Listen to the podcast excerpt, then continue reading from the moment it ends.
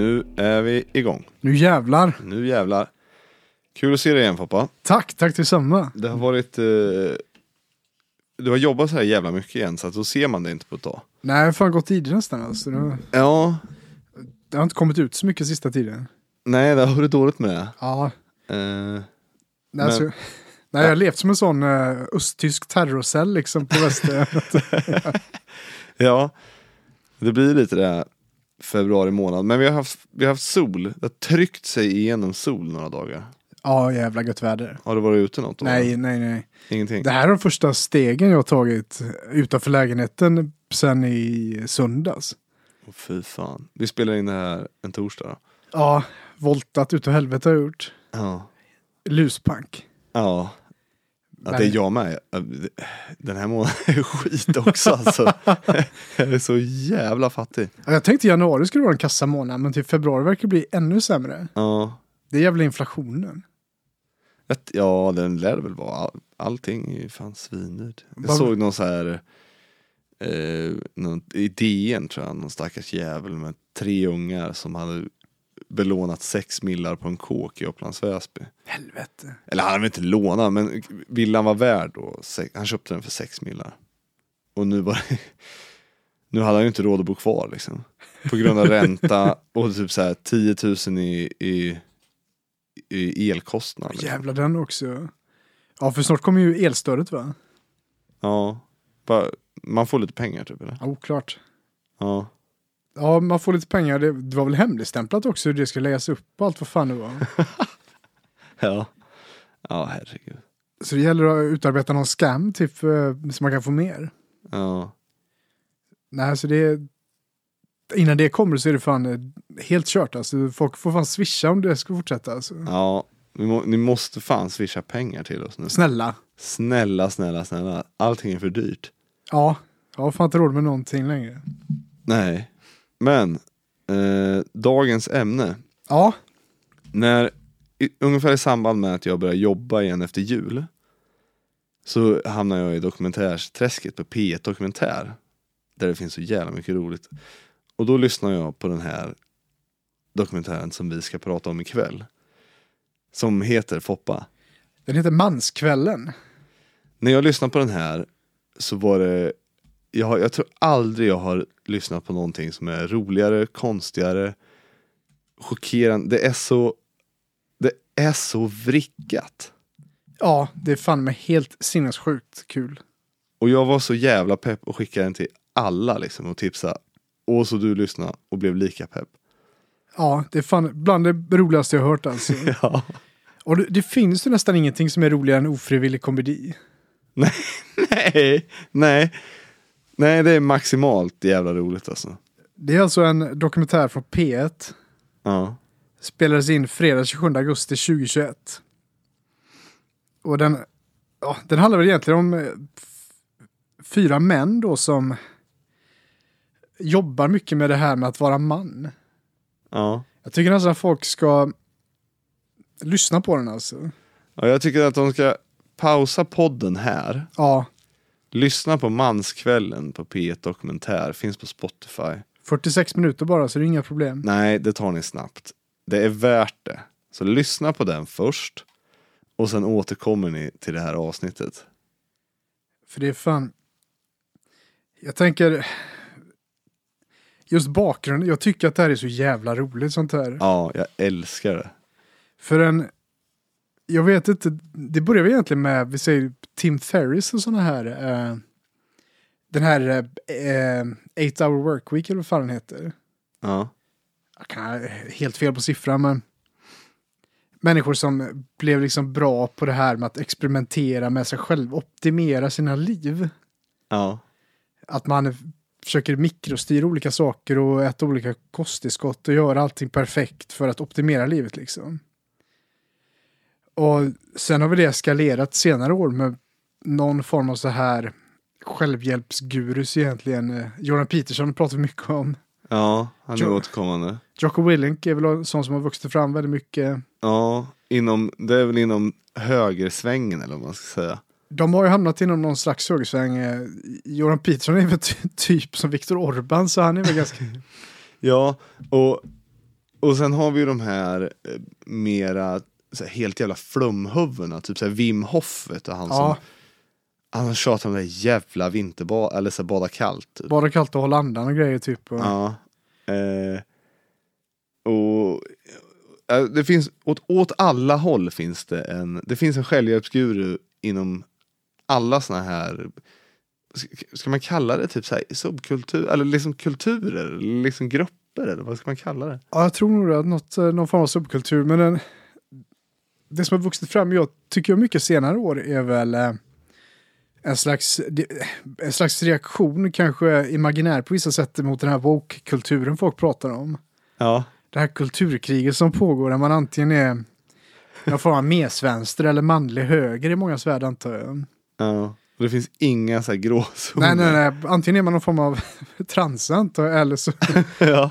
eller så skaffar man skägg liksom och ser rustik ut. ja. Och Jordan Peterson har varit mycket med det här. Det kom väl lite, jag tror, eh, kanske började lite efter metoo och sånt här att folk liksom blev sura och sånt och pratade om att man inte får vara man och att det är viktigt för alla unga män att få vara män. Att det är därför de blir så jävla stressade för de, eh, eh, deras manlighet är hotad liksom. Ja, och jag tycker aldrig det framgår vad den är hotad av heller. Liksom. Ja, det är ju lite oklart. Jag, jag är ju superlättkränkt eh, och det är en av få saker jag sällan blir attackerad för att vara man just. eh. Nej, jag vet inte riktigt. Det är ju det är också de som dras till det här är ju så jävla tuntiga oftast.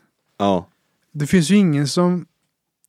De, för det de vill ha är väl den här gamla, lite mer... eh, Jag vet inte, men eh, gammaldags manlighet liksom. En klassisk manlighet. ja lite st- stoisk. Ja. Eh, lite så liksom. Ja, precis. Inte, inte fullt ut en viking, liksom, utan mer Nej. någon sån här som eh, håller på och tränar men läser filos- låtsas läsa filosofi och sånt. Så, ja, Ja, någon form av 20-talsideal kanske. ja, Och det är ju nästan bara tuntar för folk som Folk som har bättre saker för sig går inte runt och tänker på det när de är vuxna oftast. Nej, det finns mycket annat. Ja, det gör man ju oftast inte liksom.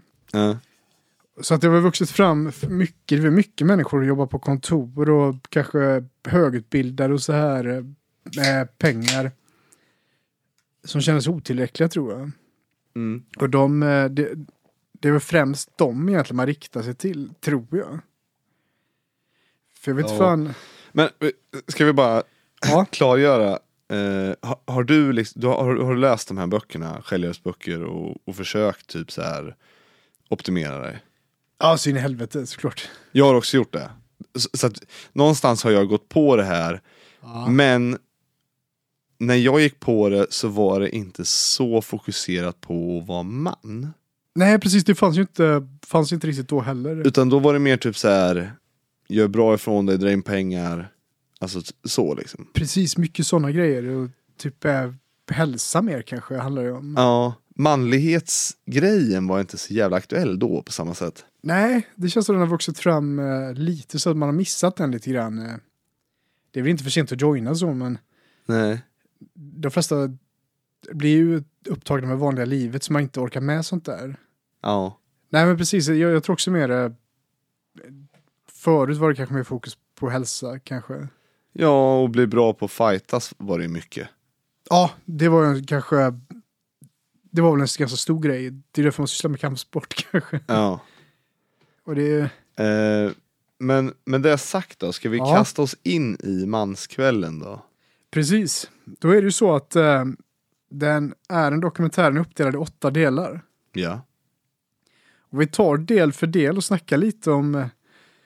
Jag tänker att jag berättar lite om varje del, drar något citat och så diskuterar vi därifrån. ja. Kommer du läsa upp den som hon som har dokumentären med finska? Nej, tyvärr. Det är väl, jag vet inte om det är meningen eller inte, men att det är en finsk berättarröst. Det, det adderar så jävla mycket. Det blir så jävla kul. Det är så in i helvete mycket roligare för att hon bryter på finska. En Alltså. otroligt allvarlig finsk berättarröst liksom. Men, och sen klipper de in med tre riktiga jävla galningar. Tala narcissister. Ja, farliga människor ja, jag vet inte vad man för sig själva och varandra. Men, nej, så, den, handlar, den handlar i alla fall om eh, fyra män. Daniel, Gustav, Lars och Adam. Och vi har ju inte pekat ut någon, men vad, ja, de, de, de kanske heter något annat egentligen, hoppas jag. ja, det- ja, det heter de. Det heter de. Ja, de, jo, men det säger de i slutet. Ja, skönt. Ja. Men om vi börjar egentligen, den, den inleds ju med, om vi sätter scenen här. Det är fiolmusik i bakgrunden, en slags dyster fiolmusik. Ja. Galning 1 inleder. Jag är ett lejon. Och det finns någonting så härligt med ett lejon. Som bara vandrar obrytt på savannen. Avslappnad men ändå redo och alert. Klipp. Med finsk röst brytning nu här. Det här är en dokumentär om fyra män och deras livsval, relationer, separationer och sökande om att hitta sig själva som man och om en manskväll i Stockholm. Bara den inledningen liksom. ja, bara den inledningen är så jävla bra för att så här, det är, De inser inte ironin för fem öre. Inte överhuvudtaget. Jag är ett lejon. Jag är ett lejon. Och typ så här, hur... hur- kan de inte fatta att så där gör inga vanliga lirare? Nej, det kommer att komma fram sen tror jag varför. Men det är ju, nej, de här tar ju sig själva på ganska stort allvar. Om de gör. Men det är också en människa som säger jag är ett lejon. Det första han tänker att det finns någonting så härligt med att vara ett lejon. Det känns jävla som att, härligt liv att vara lejon. vad härligt. Det känns något fl- flamboyant över liksom att Är det här ett kabarélejon liksom tänker man nästan när man hör det högt. Ja, det är så, det är så bra alltså. Vandrar obrytt på savannen. Obryt. Fattar du typ så här pressen ett jävla djur är under liksom? Men i deras fantasivärld finns ju inte det liksom. Nej. De, I och med att de, de jobbar ju så mycket med att lajva någon form av manlighet. En slags säker manlighet då antar jag. Ja. Och så i deras, deras värld så, det här är ju ett lejon som kan hänga på Starbucks. Ja. Det här lejonet är ju laktosintolerant. Ja, det- ja, 100 procent. ja för herregud. Kanske ett veganskt lejon Det här lejonet har nattmask. Ja, ja, ja, ja. Äter inte kött. Nej, nej. Äter bara soja. Fatta typ så här om han får se en, en kokorv liksom. Med senap liksom. Han sparkar bakut. Ja, ja för fan. jag blir hysterisk. Ja. Så om vi hoppar in nu då på del 1. Kapitel 1, alltså delningskvällen. Ja. Daniel är värd för delningskvällen ikväll. Vi har en scen, alla möts i en slags hall. Det, de kramas och i bakgrunden, det enda man hör är långa stönanden. Ja. Mm. Det är liksom inte... Va? Mm. Vad skönt att landa, säger han. Ja, Det har varit så här, så här. Mm, skönt att bara landa liksom. i en ja. kram. Eh, jag har haft en ganska stressig dag och sådär. Så det är skönt att... Den finska rösten läser upp Daniel, Gustav, Lars och Adam. Det doftar rökelse och männen samlas i köket för att ge varandra långa kramar. En, en riktig jävla galning som du säger utbrister att han har haft en stressig dag och att det är skönt att landa. Och Ja. han landar i en kram. Och just, just hur han säger det, typ att att när han pratar så är det, så- alltså, det är så jävla det är så jävla lotion över hela hur han pratar liksom. Jag har haft en ganska stressig dag. Och det berättar för, för den här människan har aldrig haft manliga vänner förut. Nej. Och ja, just att de, man hör ju direkt när de kramar, mm, att Ja. det här är ju människor som är så jävla, allt de gör är ju stort för dem.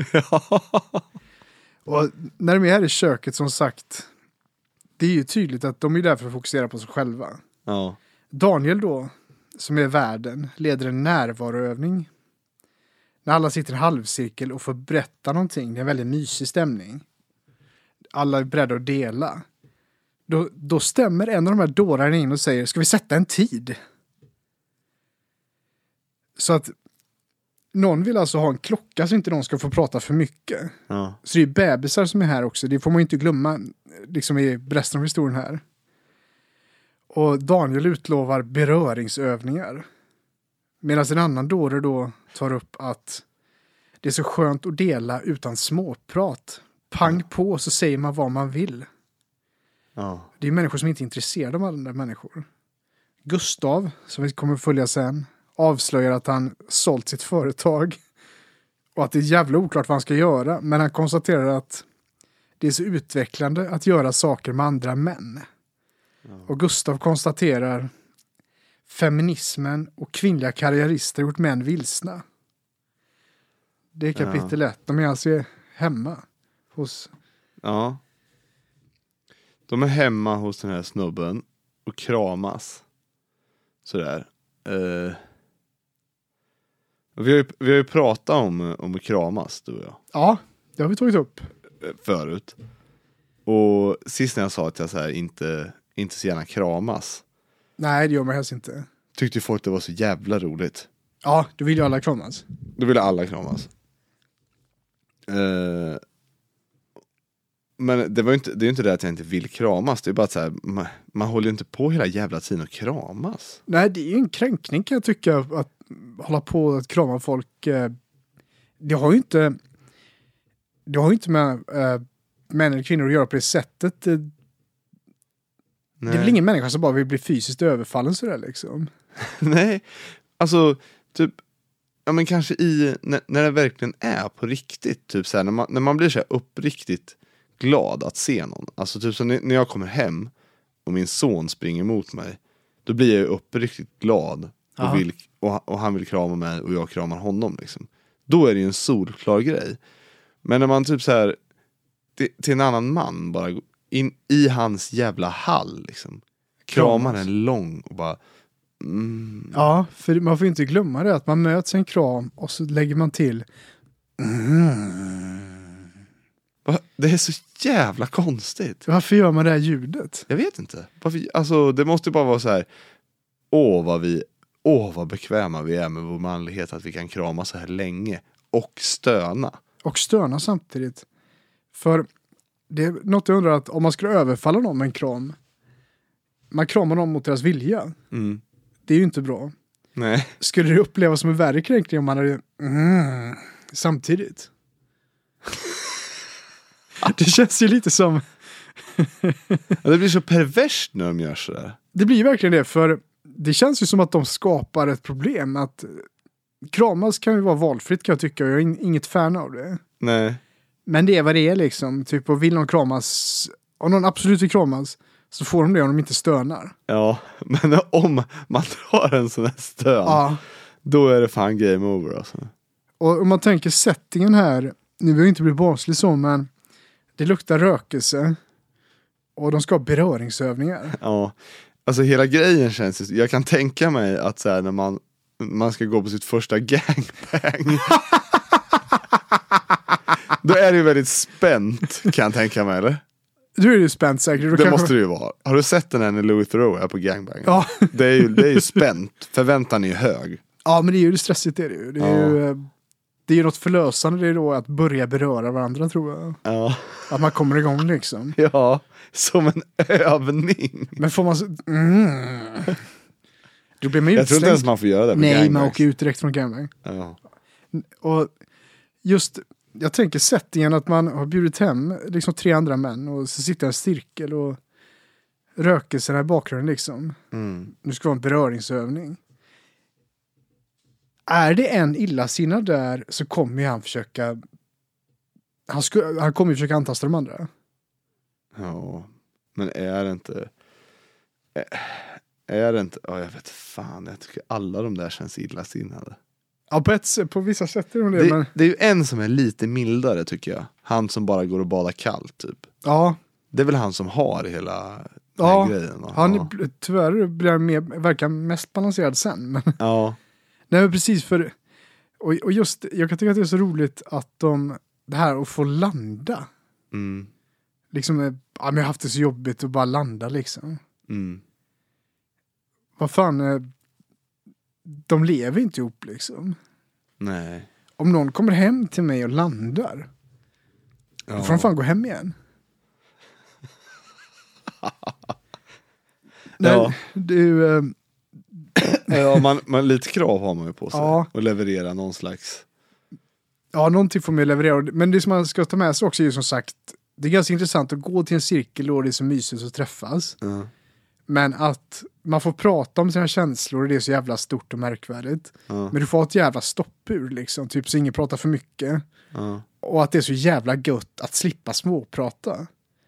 Man får bara vräka ur sig allting och så klockas det och så... Alla är ju bara där för sin egna skull. ja. Det är ingen som... Och småprat, det är väl det man gör med vänner. Ja, sen vet man ju inte, har de klippt typ när, för det är ju en som får prata hela tiden. Men pratar de om det sen tror jag, eller att de bara klipp, de, har ju klippt bort det liksom. Och så kan det ju vara liksom, men det, det känns ju som ganska speciella människor det här. Ja, och vad, vad säger han då? Har du, alltså där när han typ, ja, jag märker att jag blir väldigt berörd Ja. när ni delar. Och det, alltså så här, Att det, ja, precis. Han, vi kommer till den delen. För att, ja, ja, du har skrivit upp det så att jag behöver inte sitta här och fundera. Nej, precis. Nej, nej. Men ska vi, är, vi, är vi nöjda med första avsnittet eller? Precis, måste avsluta första avsnittet att feminismen och kvinnliga det, karriärister. Ja. har gjort män vilsna. för att man måste bära med sig det citatet för att det är så jävla roligt. Ja, men eh, vad, ska vi ta lite snabbt om det eller? Ja, Ja. Vad fan, eh, är det nu eller? Är det eller liksom, är, ja det kommer att... för han säger väl typ att det är metoo till exempel, Ja. är ju en sån grej. Precis.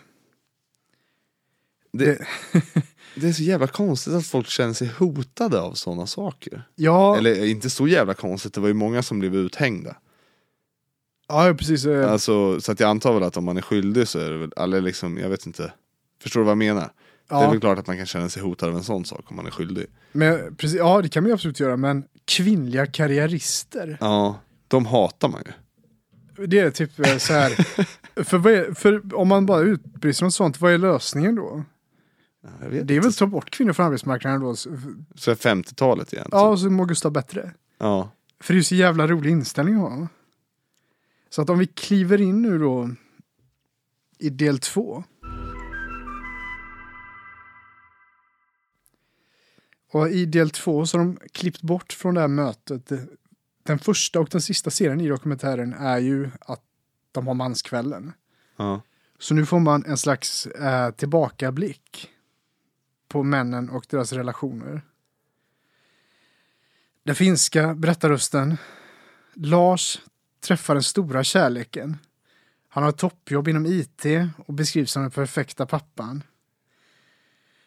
Och det visar I att, media beskrivs han väl som den Ja. perfekta pappan. Så att äh, någon slags C-kändis typ. fan vad jag har googlat kan jag säga. Ja, det hittar han inte eller? Nej, Nej. nej jag har försökt leta ganska mycket så men någon slags C-kändis kanske. Ja. Men just toppjobb och den perfekta pappan. En sån sak, däremot den perfekta pappan. Ja. Det är ofta, jag vet inte, men det kan finnas en tendens eh, när, när någon har skjutit någon. Då kan den ofta ibland beskrivas som världens snällaste. ja. Ofta, men inte alltid, när det har pågått våld i nära relationer Ja. så kan man höra att någon var en bra pappa. Ja. att det alltid är varningssignal sånt där för att eh, de flesta, man, måste, man ska ju vara en bra pappa. Ja. Det, det krävs ju ganska mycket för någon ska så beskriva som han var den dåliga pappan. Ja. Jag menar, det är ju ingen som har sagt det om Hitlers pappa. Ens. Nej. Vet du mycket om Hitlers pappa liksom? Nej, nej. Nej, helt okej förmodligen. Perfekta Ja. pappa. Ja. Han, var, han gjorde sitt liksom. Ja, så är Saddam Hussein, liksom, han var också snäll mot sina barn förmodligen. Ja.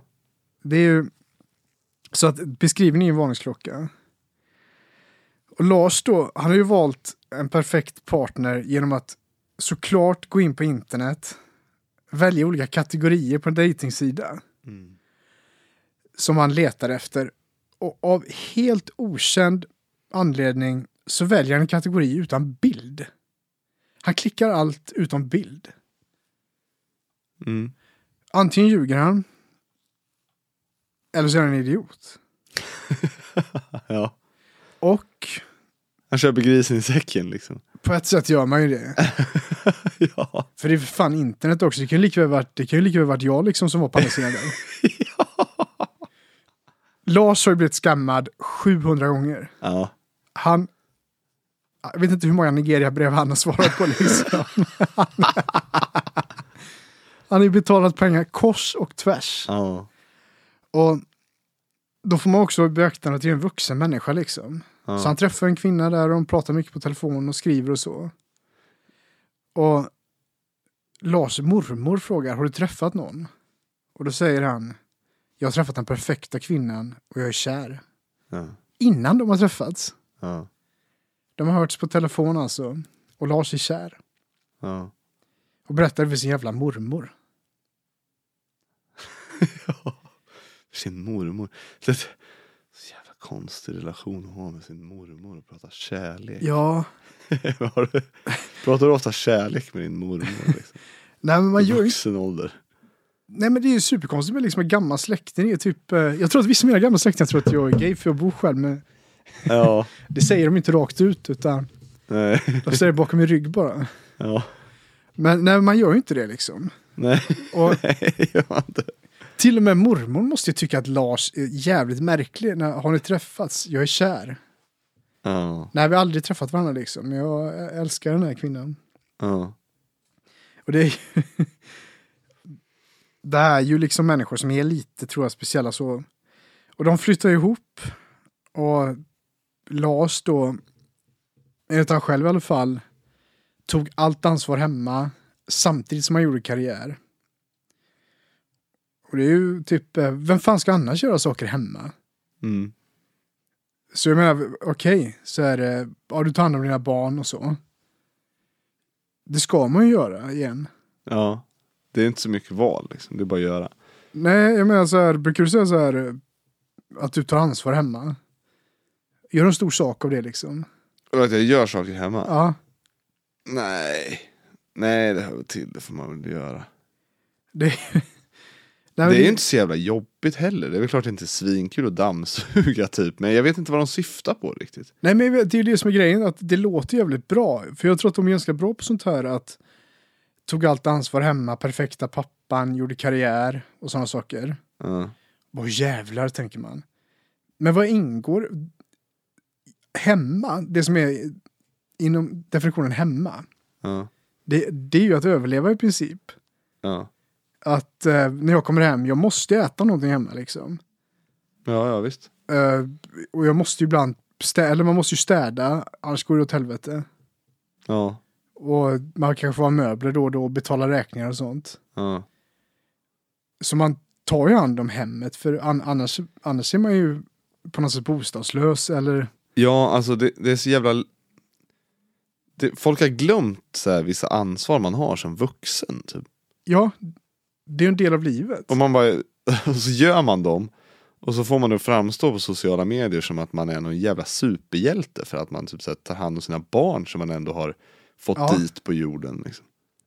Men det känns som det har blivit mer och mer sånt egentligen. Och det känns som att det, vissa människor blir bättre och bättre på att kanske kategorisera och göra en grej av vanliga livet. Ja. Och man, att det handlar inte bara om att komma hem och leva normalt, utan man tar ansvar hemma. Ja. Vem ska, vem ska göra det bara typ, om du bara går hem och lägger dig ner på golvet. Ja. Vad, vad fan, då svälter du ihjäl till slut. Ja. man dör liksom. Ja, det handlar om alla som överlevt till idag har ju tagit någon form av ansvar nästan. Ja. Så det, och då hoppar de in direkt då på Adam. Han är mer rakt på sak jag tycker egentligen att eh, hans fru tog hand om barnen.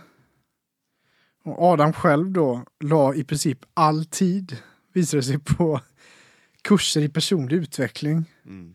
Han åt sin egen mat, vegetarisk mat. Mm. Veganskt tror jag. Ja, vegansk till och med. Ja, jag tror. Drack inte alkohol. Kolla, när familjen hade fredagsmys och tittade på tv, då tittade han på YouTube istället. Ja, på inspiratörer och Ja. så självhjälpscoacher. Besatt av Jordan Peterson. Och citatet, det han älskar med Jordan Peterson var Petersons sätt att sortera världen. Ja, Att det gjorde Adam mindre rädd för världen. ja. Och då tänker man, vad fan är det här för människa? Att familjen kollar på tv, då sätter han sig och kollar på YouTube. ja. Han tänker inte att det är konstigt. Nej. Det är väl en sak att vilja äta något annorlunda, det får man göra liksom. Ja, det får man väl respektera, men det är fortfarande så här. Ja, ja. Ja, det kan vi ju säga, men nu ska alla se på tv här. Och jag antar som förälder tittar man ju på någonting som barnen fattar. Ja, ja visst, det gör man ju. För det är klart att de flesta vuxna helst skulle vilja titta på något annat förmodligen. Mm. Men då gör de det för barnen då. Ja. Alla i hela familjen fattar ut, utom Adam. Ja, Han sätter sig och kollar på Jordan Peterson på YouTube. ja. Eh. ja, det gör han ju. Och sen när han säger det här att, ursäkta, det har gjort honom mindre rädd för världen. Ja, Vad fan innebär det? det är jävligt intressant att var han rädd förut liksom för världen? Vad var han rädd för? Nej, precis, för det, det, ju det lämnas ju lite öppet. Att Ja, Innan han lärde sig kategorisera allting så var han rädd för världen på något sätt. Jordan Peterson jobbar ju mycket med hierarkier. ja, och jag antar att saker om manligt, kvinnligt, högt, lågt så här. ja. Och Svartvitt. ja. Och när man hör om Adam, en jävla tunt, en vegan som kollar på YouTube. Ja. Om han börjar se världen som kategorier borde han ju vara ännu räddare. Ja, precis. Men en sån människa, han överskattar ju sin egen kategori va? Ja, en aning tror jag. Lite lätt. Ja, Typ hur, fa- hur, hur pass mycket, alltså vad liksom Ja, ja fortsätt, jag vet kanske vad jag ska säga. nej men det är lite så, för det handlar man pratar ju egentligen om en människa som blir, kan bli överrumplad av en bit bacon och ett glas öl. Ja, Och han ska kategorisera världen då liksom. ja, Han är ju längst ner jämt. Och det är någonting jag, om man är inne lite i den här eh, självhjälpsguruvärlden. Det finns ju allt, man kan ta Joe Rogan också som är ett känt exempel. Han postar mycket på internet, där conquer your inner bitch och sådana saker. ja, Och att det är så viktigt och hard work och så när han har kört någon kettlebell-pass och sådana grejer. ja, Att det är så viktigt att vi egentligen är apor och typ vi måste röra på oss och hard work, hard work. ja, Det är ju bara för att för sådana som Rogan, Adam här till exempel. De jobbar ju inte liksom. Så för dem lajvar ju de jobb när de är på gymmet. ja, Om de ville då hard work. Det är ju för fan bara att ta ett jävla arbete. Byggjobba inte eller vad fan som helst. Bli flyttgubbe liksom. ja, Och gör det hela dagen istället för lekjobb när du gör något annat. ja. Sluta leka att du jobbar hårt när du, håller, när du går upp klockan nio liksom. Ja. För det är ju inte att jobba, det är att träna och typ träna är kul och så. Men det är inte samma sak. Nej, det är fan inte samma sak. Och det blir som att de lajvar ju den hårda världen liksom. Ja, Eh, men på ett sätt, de är så avskilda från den hårda världen att de inte fattar. De är så långt ifrån den hå- hårda världen att de inte förstår att de skulle kunna försöka vara en del av den om de ville. Ja, och de är, de är så jävla långt från den hårda världen så att de hårda, de, alltså de här hårda gubbarna som man stöter på. Eh, alltså så gamla gubbar, Ja. typ så här valfri jävla farfar kan Ja. man nästan säga. De har, de, de har inte ens en aning om att de försöker vara Nej, hårda liksom. Fatta om Adam skulle dyka upp där och prata kategorier och äta tofu liksom. Ja, de skulle inte bara, de, de gam, den sista generationen av hårda män liksom, de, de skulle inte ens förstå vad fan det handlar om. En av dem hade kanske gift sig med Adam liksom och långt senare förstått att ja. ja, eventuellt. Alltså det är så jävla långt ifrån vad Ja. det är som är... Ja, men det är just det att ehm, det är en sak kanske det att man lajvar krig eller så här. För det är ju ganska långt ifrån att man ska joina ett, ett krig antar jag. Det finns ju svårigheter med det till exempel. Det finns ju krig i världen, men Ja. det kräver ändå ganska mycket. Ja, Men att lajva ett fysiskt arbete, finns det något tuntigare? nej. Det För det kan man ju för fan söka om man vill. Ja, det är bara att göra. Det är lätt att få. Ja, och det finns ju människor som gör det hela dagarna. Liksom. Ja. Nej, så, det så där har vi ju settingen egentligen, del två. Det byggs upp. Adam kollar YouTube. Och är mest eh, för sig själv liksom. Mm. Och nu börjar vi komma in lite här. Om vi tar del tre. Ja. Det är väl här egentligen dokumentären börjar dra igång. På allvar, 13 minuter in. Separationen heter del tre. Mm. Jag älskar ju sådana titlar. Ja, titlarna gör ju det väldigt mycket bättre. Ja. Lars då som blivit kär i en kvinna han aldrig har sett förut. Eh, hur tror du det gick? Ja, det sket sig. Ja, del tre inleds med att Lars fru drar helt enkelt. När han blir lämnad va? Säger, säger han inte det sen? Att... Ja, hon drar. Ja, hon drar. Ja. Ja, ja, precis. Han uttrycker faktiskt redan i början här att vi var som två projektledare som hade ett gemensamt företag. Vi älskade inte med varandra på flera år. Ja. ja flera år. flera år utan... Han såg det inte komma Lars. Nej. Att den här kvinnan han träffat på internet som han inte älskade med på flera år. Ja. Hon drog. Hon drog. Och jag tänker någon som pratar om en relation som att man är två projektledare. Ja. Han, han är ju inte den mest romantiska Lars. Nej. Nej, det är han inte. Vi ser efter år ett. Ja. När de inte hade någon form av eh, fysisk samvaro. Ja. Att de inte börjar fundera lite då liksom att eh, vad fan, även projekt, projektledare måste ju ligga liksom. Ja, ja, ja visst, visst. Så, men men vad, vad går, alltså ett år utan Ja, att ligga med, alltså då sover de garanterat, alltså, jag, jag antar i samma säng. ja jag gissar det. Hur fan kan man liksom aldrig bli, hur, vad i helvete har allt tagit vägen då om man aldrig, aldrig knullar? Nej, jag fattar inte. Jag önskar den här finska tanten hade frågat Lars om han träffar någon annan liksom, eller vad fan. Eh, Ja, eller var det bara att det inte var så viktigt? ja, ja, ja man är olika, jag vet inte. Ja, och Lars då, om man träffar en ny brud, ja. då får jag bara veta att hon drar. ja det är ju samma grej. Ja, och han, för det var ju lite att han eh, träffade väl, den här bruden som drog var ju samma som, lite samma som han hade träffat förut, hon var lite lik. Ja, det var exakt samma va? Ja. Och istället då så träffar han en ny kompis. Och det här skulle kunna vara förklaringen till varför de inte låg med varandra på flera år. Att Lars träffar en ny kompis som han beskriver som en otrolig man som han litar på. Ja. Som propsar på att Lars ska gå, med, ska gå på en sexkurs. Ja. Och Lars tyckte att det, han säger att det är läskigt, men det fanns ett uppdämt behov i mig. Ja, men det gjorde det nog efter flera jävla år liksom. Jag personligen blir ju då när jag hör Lars säga det här att han har ett uppdämt behov. Det är som att han inte riktigt kan identifiera vad det är. Han, han har inte legat med sin fru på flera år. Nej. Men han träffar en otrolig man som han litar på. Som säger att han, Lars borde gå på en sexkurs. Ja, tan tantra? Ja. Har du koll på vad tantra är eller? Vet du? Ja, vill du beskriva? Eh, ja men jag, det var någon gång när en snubbe som jag träffade, jag och en kompis hade varit på eh, gångbad på ett ställe på stan.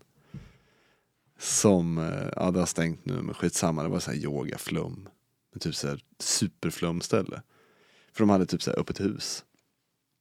Och då var det en snubbe där som vi träffade, som vi sen var och käkade pizza med. Eh, som berättade att han skulle gå på öppet hus men den enda kursen som var kvar var då tantra. och då typ folk bara, jo men testa. Liksom. Så att han berättade han hade varit med.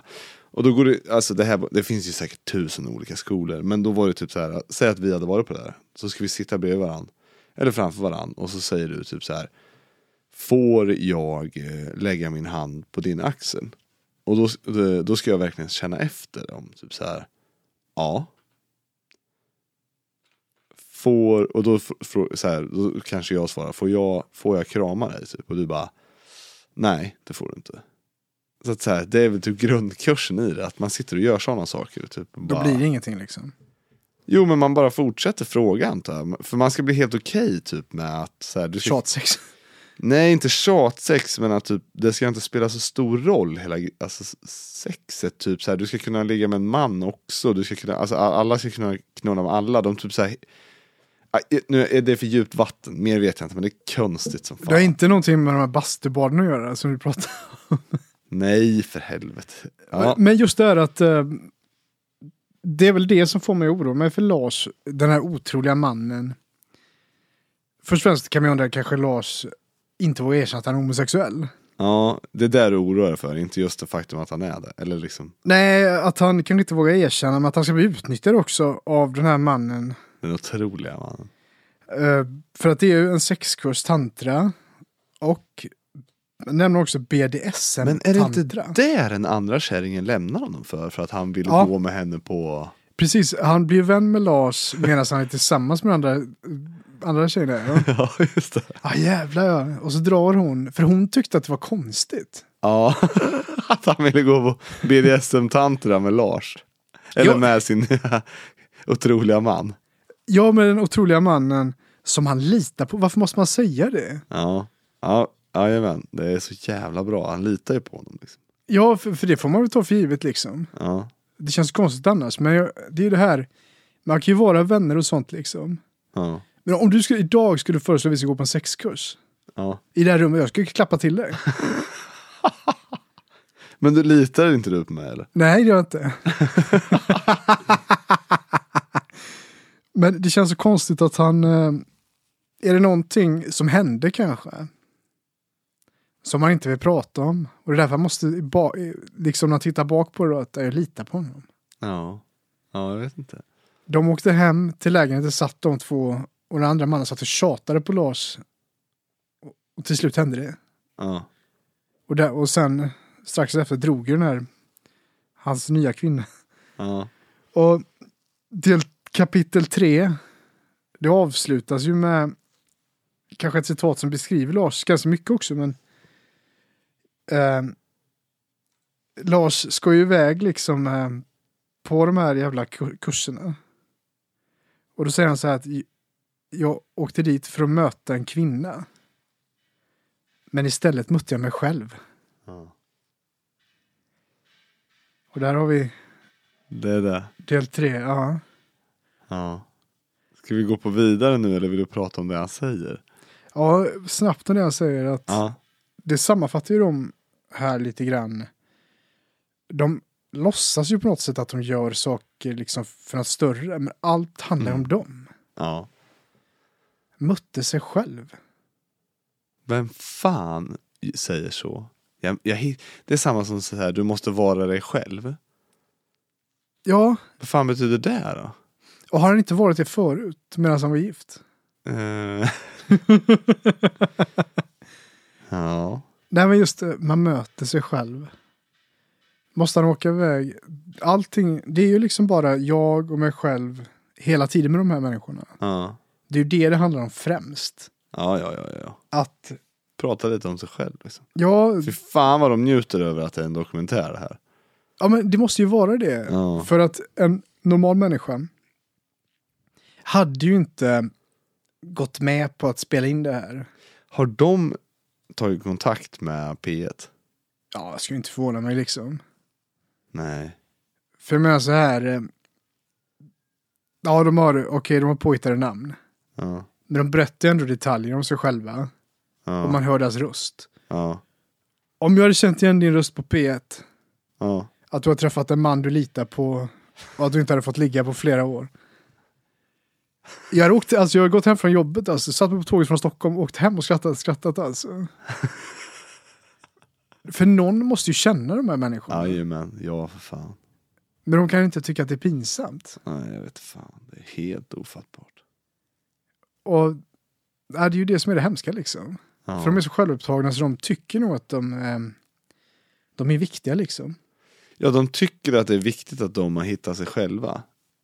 Det finns inte en människa i världen som bryr sig.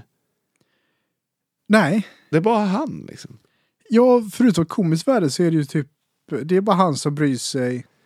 Och deras närmsta tycker nog förmodligen att det är lite jobbigt liksom. Eh, när pappa sitter och kollar på Jordan Peterson när de ska kolla på tv och är vegan och allt vad det är liksom. Och, och sen det här... Att, att de säger saker som är så jävla... Jag hittade mig själv. Ja. Jag förverkligar mig själv. Liksom. Vad fan betyder de där sakerna? Jag tror att det är en sån klassisk, han, han har skrivit ner det på papper. Så här att, fan vad djupt det här ser ut liksom, för jag måste säga något. Ja. Så har han inte sagt det till någon. Nej. Och när, man säger det, när han säger det högt. Tyvärr blir det ju så med, ibland man skri, kanske skriver ett tal. Ja. Så kan man märka att när jag säger det här högt och har en annan människa liksom i rummet och inte har en inre monolog bara. Ja. Så låter ju inte det här speciellt bra. Nej. Nej, men det är därför man alltid måste testa sina tal Ja. innan. Och det här är ju ensamma människor. Ja. De har ju inte haft vänner någon gång liksom, så det finns ingen att prata med. Nej. Det, det, det finns ingen eh, kritisk eh, röst i alla fall. Nej, inte i deras liv. Nej. Det är ju, no, det är ju Dan- Daniels mormor kanske liksom. Ja. Nej, det... Ja. Ja, är vi nöjda med trean där eller? Ja. Då kliver vi in på del fyra. Nu tar det ju fart liksom. Nu åker Nu- vi. Nu jävlar åker vi. Daniel. Han har eh, också separerat. Och bestämde sig då för att sök- prova något nytt. Ja. Han ska åka på en festival. Jajamän. Och då tänker man ju, är det Hultsfred eller vad fan är det liksom? Vad händer liksom? Ja, han beskriver, ju närmare jag kommer desto mer nervös blir jag. Jag har aldrig varit i ett sammanhang med så mycket sensualitet. Vad fan är det frågan om tänker då? Då ringer varningsklockor liksom. Ja. Han, ska ju inte, han har ingen medelålderskris och ska till Holland på en technofestival liksom. ja. Han, han dyker upp på den här festivalen. Och gör sig redo för välkomstceremonin genom att sätta upp sitt tält. Är det här en metafor, tänker jag, pitcha tent? Han har ju såklart åkt på Sexability-festivalen.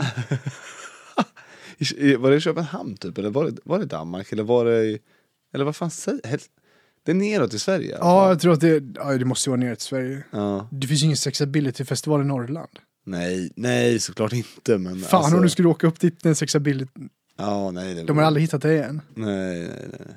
nej. Det måste vara, måste vara södra Sverige. Ja, det är det. Hur, hur undrar, hur googlar han fram den här liksom?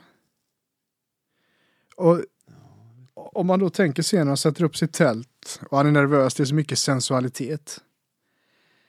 Festivalen heter Sexability. Ja, Gangbang tänker man ju på direkt. ja, ja visst. 99% av de som är där är där för att ligga. Garanterat, jag har inte googlat på festivalen ingenting. Nej, Alla är där för att ligga, det är ja. 100% säker på. ja. Det ska knullas liksom. Ja, det ska knullas. Och vad gör Daniel då såklart? Han söker sig direkt till tält med bara män. Ja. På Sexability-festivalen. ja. Och vad gör de i tältet Poppa? Berätta. Han beskriver först och främst som att han Han är nervös för han har inte varit runt så många män förut. Vad fan? Varför är han nervös? Det är som kraft där inne känner han. Åh. Att, vad är det fan är det som händer? Ja. Och det, det här får mig osökt att tänka på tyvärr en brittisk seriemördare faktiskt. Eh, en av Storbritanniens värsta genom tiderna. Ja. Som man tror bland annat att han mördade faktiskt för att han var en så kallad, eh, han var i garderoben liksom. Ja. Och det visade sig att han eh, sökte sig till militären ganska tidigt för han hade fantasier om andra män. Vilket är, det är väl okej, det är okej att vara gay liksom. Ja, ja, visst. Och då brukade han i de här barackerna, det var massa med män, berättade att han låtsades så, att han brukade sova utan täcke naken liksom. För att han hoppades att han skulle bli utnyttjad. Det låter ju hemskt så, men att jag tror inte Daniel vill bli utnyttjad, men han söker sig till ett tält för bara män. Och hans första tanke då, han är nervös. Vad fan är han nervös över liksom? Ja, jag vet fan. Han har inte varit runt sån kraft förut. Daniel är uppvuxen i Sverige, Ja. vad jag förstår. Ja. I ett fotbollslag Ja. så är det ju i alla fall 15 män. Ja. Alla i hela Sverige, killar i hela Sverige har ju spelat fotboll. Det var ju bara en eller två i varje klass som inte gjorde det. Och det var ju så här datatuntar liksom. Ja, ja, ja. Han avslöjade, han var ju en av dem. Ja men datatuntar, vad fan, de, de, alltså i skolan är du, eller liksom, vad fan, du måste ju komma i kontakt med en, en män liksom. Även om man inte spelar fotboll, jag fattar inte grejen. Nej, liksom. det är så jävla kul. Att, Att det är så, det är helt, han kan inte gripa, han kan inte greppa att de är ett gäng män tillsammans. Liksom. Ja, och det är så kraft liksom. Har han inte haft ett polargäng liksom som drar iväg och gör en kul grej liksom? Ja, det är typ att, eh, nej jag kan inte haft någon liksom. För att det stora på Sexability-festivalen är ju då att, liksom att eh, ett tält med bara män, jag går in i bara manstältet här. Ja. Och han pratade ju lite då om att eh, de hade någon övning att möta andra män. Man skulle öva på att möta varandras blick. Och det var så skönt att kunna titta på varandra utan att uppleva konkurrens eller aggressivitet. Skulle de bara sitta och titta på varandra? Ja. Det känns ju, jag, jag, jag personligen har ju aldrig ögon, ögonkontakt. Ja, Jag har också svårt för det. Men jag vet inte om konkurrens. Ja. För det tyckte han var så jobbigt liksom på tunnelbanan och så att eh, det var någon slags konkurrens. Går han runt och är rädd liksom för han träffar en annan man så är det lite otäckt. Jag antar det. Hade psykolog Robert varit här Ja. då hade man ju velat att han ska titta Daniel i ögonen och säga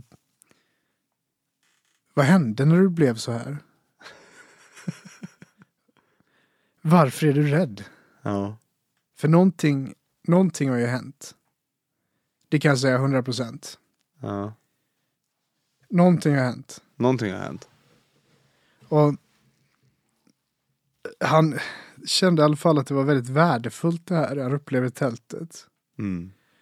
Vad de gör i tältet är att de bland annat leker en lek där man delar in sig i lag och ska erövra en kudde. Ja. Han, har- han är i princip åkt hem till Michael Jackson liksom. Ja.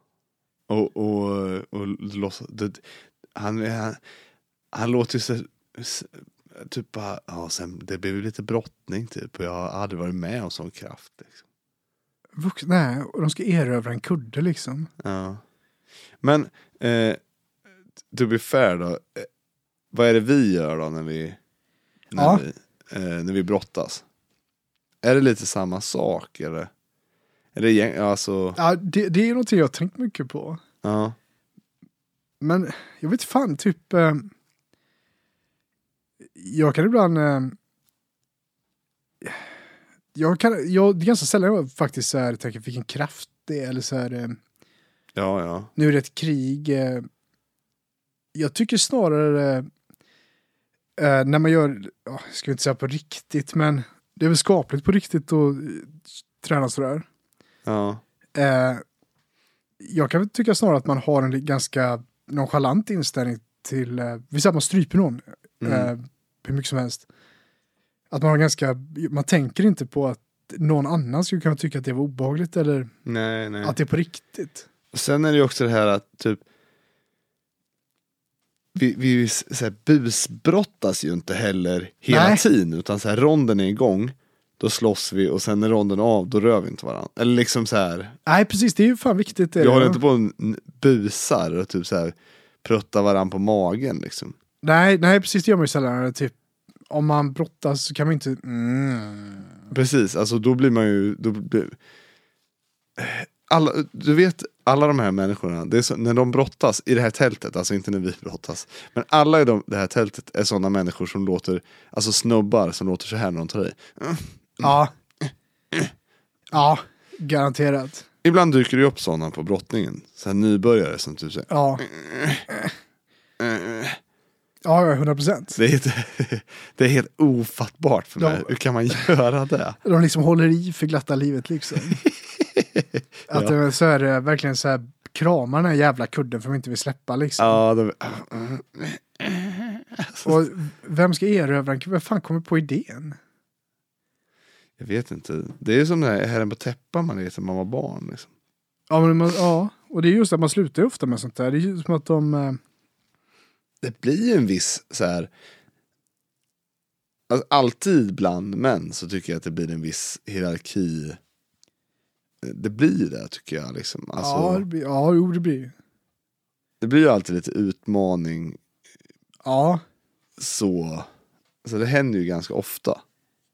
ja men jo, Alltså, men det, det blir väl en viss konkurrens sådär. Ja. Ja. Men de flesta kan ju hantera det som vuxna liksom. Att, eh, ja, Det är ju inte så man går runt. Jag tänker ju, eh, man går inte runt och brottar ner varandra bara så här att vi har ju aldrig, vi har aldrig slagit så här när vi har spelat in podd. nej, nej. Eh, Men det gör ju inte de heller, de här som brottas i det här jävla tältet. Liksom. nej, de lajvar väl det bara. Ja, varför går de inte bara, om de vill, liksom, om de vill fightas, gå iväg och fightas liksom. Men vad är det där Ja. för jävla skit liksom? Att de, är precis, det känns ju så tillgängligt liksom eh, och kan göra hela tiden. Ja. På samma sätt som kanske då skaffa ett vanligt jobb om man nu vill lajva Men de- arbetare. De vill ju busa liksom. Det känns faktiskt som att de vill busa. Det är väl lite som man var liten och kanske var kär i en tjej eller så. Ja. Och Eller ser de det här som någon slags jävla fight club-variant typ? det är lite det. Antingen tycker de att det är fight club. Ja. Eller ser en ursäkt för att ta på varandra bara. ja. Ja, Du verkar vara helt inne på det här spåret. Ja, att det låter som jag är nästan besatt i det där. Men att eh, jag är fan lite fundersam faktiskt. Eh, det, eh, det är väl inga problem. Men jag känner lite typ också att de, de, har någon så här, de tar någon slags stolthet i att göra saker som kan uppfattas lite, lite så. Ja, Men inte vara det. Alltså de har dragit det sig till sin spets att det är så jävla okej att vara eh, hur ska man säga, alltså typ att man så här, är så jävla icke man, jag vet fan hur jag ska uttrycka mig men att man, det, all, det ska vara så jävla okej ja, allting. Så att man typ så här, gör saker som säger varför gör du det? Liksom, låt, låt de som gör sånt göra det. Eller liksom, ja. Men jag tror att de vill liksom vara en del av allting. ja, Det är ju... Och som sagt, en skräck jag har och det är ju någonting man märkt mer och mer i sådana här communities. Jag följer ju mycket av det på internet och sånt. ja, Brasiliansk jujutsu är ju någonting som blivit så jävla populärt på grund av eh, Rogan och Will Link. ja. Så det kommer ju dyka upp fler och fler liksom. Ja, jag kollade på den här Andrew Tate-dokumentären och då hade ju han som så här introduktionsgrej att man skulle gå mot ett MMA, gå en match, en rond mot ett MMA-proffs i Ryssland eller vad fan det var. Ja, det, det, jag kollade också, det, det var fan bland det roligaste jag varit med om. Det var ju helt sjukt liksom. Så här, eh, gå, ni, ni får gå en match. Alltså, vissa valde att inte göra det. Ja, Och vissa gick med på att göra det. ja och de fick, de fick förklara sig varför de gjorde det typ. Ja, men, det är så jävla konstigt. Vad tänker de ska hända liksom? Jag vet inte. Att så här, ja, men du går in och blir misshandlad. Liksom. Ja, för växer de av det liksom? Ja, det är det som är det konstiga. Men jag tror att det, det kommer den här myten, det är många som pratar om det lite så här eh, att man inte kan lita på någon som aldrig blivit slagen eller så här att man ska varit med i en så här streetfight en gång i alla fall, annars är man inte Ja, normal. ja. Och att det finns något, att man på något sätt växer av det en gång liksom. ja jag vet fan. Nej, jag tycker att det är så jävla, den Andrew Tate-dokumentären är ju fan vansinnigt rolig, Ja, tyvärr. Finns på SVT. Men vi, vi håller, nu ska vi inte snöa in på Andrew Tate. Jag, Ja, nej men Daniel då, han börjar ju som sagt där med också tantrisk BDSM. De klipper in till vardagsrummet. mm. Nu är de tillbaka alltså, i manskvällen igen. Är det här nästa del eller? Nej, det är fortfarande del Ja, fyra här. Eh, och Daniel får dela. Och då berättar han ju hur långt han har kommit. Och har besegrat någon form av motstånd. Han, är, han beskriver, han har vunnit något krig liksom. Ja. Att han är så glad att han har bröder som håller, håller honom när han ska göra något läskigt. Till exempel träffa, prata med en kvinna. och inklippt störnkram igen. Mm. Han har sina bröder runt omkring sig liksom. Att det här är ju nå- nu är de något mc-gäng. Ja. Mot den hårda världen liksom så är det fyra veganer som sitter och kramas liksom i en ring. Mot den, den farliga världen. Den farliga världen. Man klipper in till Lars, mannen med toppjobb inom IT. Han vill ha en ny sorts kvinna, för han inser att eh, det han haft förut funkar liksom inte. Och att han kanske när han var yngre, liksom, i unga år, var lite väl grund i sitt sätt att leta. Ja.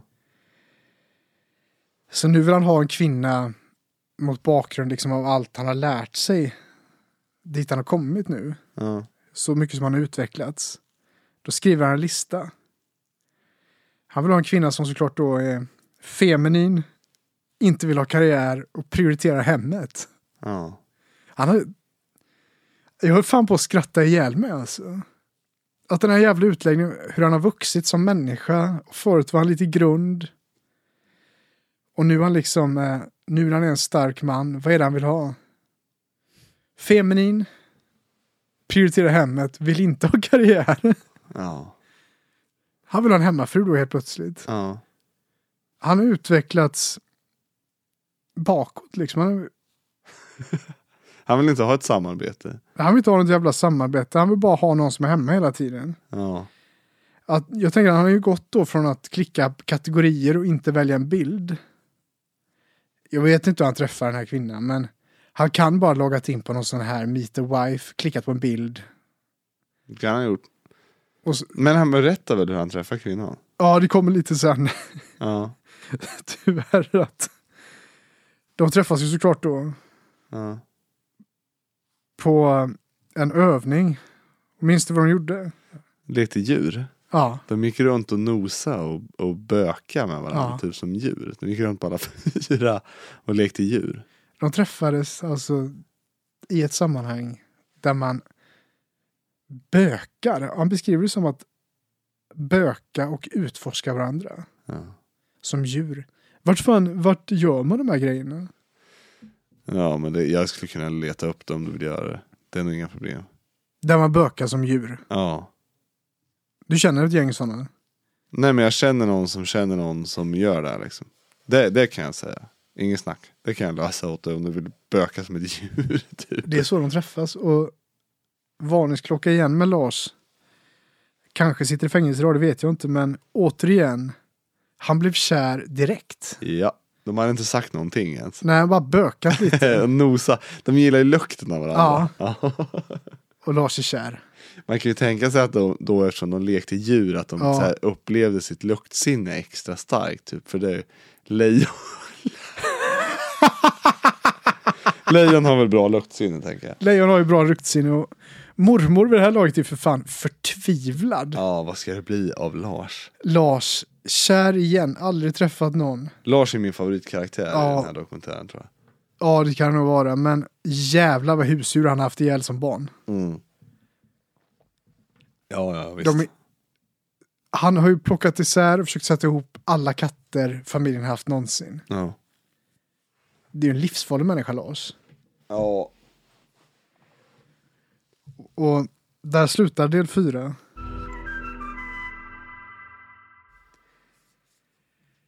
Då går vi in på del fem egentligen då när dokumentären vänder. Ja. Det är kapitel som heter Polaritet. Yes. Direkt börjar de tjata om att det krävs ju plus minus. Och de börjar prata om batterier och magneter. Och att det krävs en pol av varje. Ja. Och det är ju sådana klassiska, det var väl någon SD-politiker som visade någon gång att om man håller fingret, en klassisk, håller ut sitt pekfinger, formar en cirkel med andra handens tumme och pekfinger och för, för, för in pekfingret i Ja. cirkeln. En sån klassisk Ja, det funkar. samlagsgest. Ja, Liksom. men om du trycker två pekfingrar mot varandra så funkar ju inte det. Nej. Det är lite det de behöver beskriva här. Bara att istället för att säga då att det är bra att på något sätt komplettera varandra vad som helst. Så det är batterier och det är plus och minus och det är poler. Det är ju sånt här. Sånt här gör ju självhjälpsgurus ganska mycket. Att de kan ta någonting som är ganska självklart Mm. och beskriva det på ett annat sätt. Mm. Och det får dem att låta väldigt eh, eftertänksamma och intelligenta. Mm. Men det är så jävla solklart. Liksom. Ja, att bara... Ja, man kompletterar varandra. Det var, Mm. men beskriver det som batterier istället låter det fan jävla vad smart den här killen är. Ja. Lars då som har vuxit som människa. ja. Han har ju flyttat ihop, flyttat ihop med den här kvinnan. Och då, då berättar han lite om relationer. Och här skrattar du fan högt också. Ja. Att han älskar den här relationen. När det är så tydligt. Att det är jag som tjänar pengar. Så jag är så trygg. Tänk att beskriva en relation så. Mm. Det är jag, jag som tjänar pengar. Nu känner jag mig trygg. Mm. Tänk att kunna beskriva en relation med en annan människa genom att bara prata om sig själv. Mm. Det bökades en gång och hon har inte lämnat hemmet sedan dess. Nej. Ingen har sett henne sedan dess. Nej men alltså, tror du inte att det finns eh, kvinnor som, som letar män som tjänar pengar så att de slipper jobba? Och, Ja, kan, och kan helt och hållet hålla på med sin jävla flummighet typ. Jag har fan skrivit DM liksom, typ, så svarar vi direkt. Ja, Nej, nej, det finns ju såklart. det, ja det tror jag. Hon kanske också tycker det är skönt, för han beskriver ju ofta, han beskriver ju henne som min kvinna. Mm. Det är ganska roligt begrepp liksom. Mm. Min det, kvinna. Hon är inte sin egen kvinna liksom. Hon, Nej, det är hans kvinna liksom. ja. Gör yoga, lagar mat och dekorerar. Lars kvinna tar ju hand om honom. Laga mat från grunden är jag ju så jävla noga med Ja. också att säga. Precis, det, det är inte bara van. Men hur lagar man annars mat liksom? Ja men han måste väl eh, mena typ så här halvfabrikat och sånt.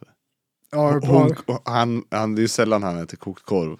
Hemma. nej, kokt korv käkar jag ju, det har Lars aldrig ätit. Nej, nej. Ska jag få ont i magen som fan. Ja, Och han säger också det här eh, blåst mage ska han få. att eh, Lars kvinna då tar hand om honom som sagt. Och Lars säger jag tar hand om familjen ekonomiskt. Ja. Så vad, vad bidrar Lars med liksom? Eh, Han känns ju väldigt varm. Ja, ja, verkligen. Han skyfflar hem lite pengar över dem liksom. Att Ja. han är ju han är ju bättre än den här bunkerläkaren om du minns honom. Ja, ja. vad fan heter Fritzl va? Nej, nej, ja, Nej. Josef Fritzl var ju också ett problem. Ja, eller vad, vad menar du, var det bunkerläkare? Den här svenska läkaren som eh, kidnappade någon. Eh, han hade ju någon form av eh, dröm att ha någon form, eh, han kidnappade en kvinna. Och tanken var att låsa in henne typ i en jävla bunker han hade byggt i Skåne. Ja, Någon läkare, kanske från Stockholm. Ja. Och så skulle hon vara där och hon skulle få komma ut om tio år. Men om hon gick med på olika saker skulle det räknas bort från straffet. Och hon skulle liksom leva där med honom då. De skulle ha någon slags relation liksom. Mhm. Och han, han kidnappade den där kvinnan. Det är ju tra- traumatiskt för henne säkert. ja, ja, jo. Eh, planera allt i minsta detalj liksom. eh, Hur mycket be- bedövningsmedel som började få söva ner henne och sådana saker. Mm. Och byggt den här jävla bunken eh, i- på en gård. Lagt åratal på det här. Ja. Och allt var perfekt liksom. Så han tar dit henne, kidnappar henne, de är där i två dagar. Då, då visar det sig att det är folk som saknar henne såklart. Såklart. Och på något sätt har han inte planerat med det känns det som. Okej. Det säger ju ganska mycket om honom kanske. Ja. Så då lyckas hon efter två dagar säga att kör mig till en polisstation så lovar jag att säga att ni kan ta bort den här efterlysningen på mig för jag är borta frivilligt. Ja. Idiotjäveln gör ju det. ja, helt jävla ofattbart. Ja. Och 12 år på kåken. Nej. Jo, fan det är ganska allvarligt det där. Jag vet inte om det var 12 år, men han fick ganska, ganska långt straff. Han är ute nu tror jag. Okej, ja, ja, det här har jag fan ingen aning om. Men kan du fatta vilken idiot? Man Ja, kidnappar någon. ja, ja. ja. Det är inte så heller att hon bygger upp en relation med honom i sju år liksom. Nej. Och sakta men säkert rymmer. Att eh, det tar en dag liksom. Ja. Vi kör upp till Stockholm.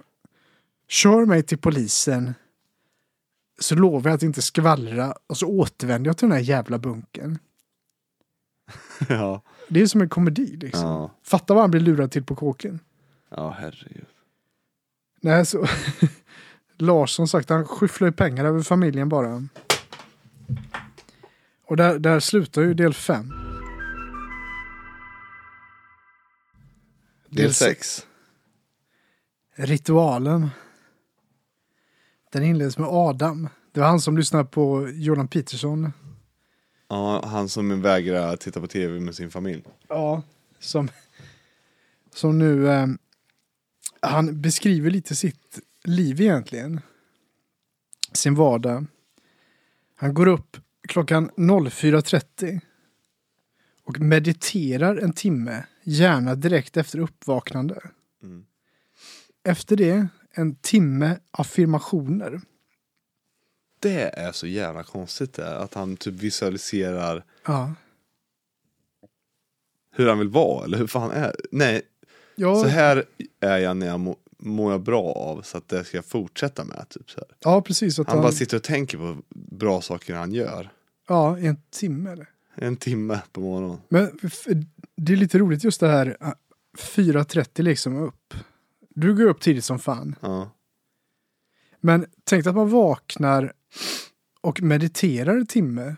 Han måste ju för fan, han kan väl erkänna att han somnar om bara. ja. Jag har försökt, typ så här, jag har kört yoga och, och, och försökt meditera. Jag, jag, jag somnar ju varenda gång. Liksom. Ja, det känns ju så. Ja. Men det var ju inte så här, ja. Mm. Och sen liksom att... Eh, Han ljuger ju. 100, Adam ljuger. 100% att han ljuger. Ja. För fan, för 4.30 liksom. Då har klockan hunnit bli 5.30 när han har mediterat. Ja. Då tittar han sig själv i spegeln och pratar om hur bra han är jag en timme liksom. Ja. Ja, det är väl rimligt. Så då är klockan 6.30. ja. Han har ju i princip inte åstadkommit någonting på de två timmarna. Ingenting. Inte ett skit legat och sen tjatat på sig själv. Mm. 6.30, han har kunnat sova två timmar liksom. För det är en sån klassiker. Jocko Willink gör mycket det, postade så här att han går upp klockan fyra. Mm. Ja, om man är en sjuåring går och lägger sig klockan sex liksom, det är klart man kan gå upp fyra. Ja, det, ja, man flyttar ju bara dygnet. Ja, precis, för det är väl det det handlar om. Eh, går man upp eh, tidigare får man gå och lägga sig tidigare. Ja, alltså jag, jag går ju och lägger mig svin... Jag går ju upp astidigt. Ja, Men jag går och lägger mig typ såhär åtta, halv nio liksom. precis. Det finns ju en... Det finns ju... eh, någon Det finns en logisk förklaring liksom. Ja. Och hur man disponerar sin dag får ju alla välja själva liksom. Ja. Det är ju inte, det är inte finare. Nej, Det är ju inte finare att träna jättetidigt än att träna på eftermiddagen liksom. Det är bara, nej precis. alltså så här, eller det är inte finare att meditera astidigt eller sent på eftermiddagen. Nej, det är det som är så roligt att det finns någon sån här grej med att gå upp tidigt. Ja, som att det är någon så här hack typ. Ja, att man, men det känns också som det att man lajvar något annat liv. Mm. För kontor och sånt, då tänker man ofta flex och sådana saker. Att man kan ju komma nästan när man vill. Ja. Men att det ändå, det är hardcore på något sätt att gå upp fyra, Och han ligger i princip myser i två timmar. Ja, ja.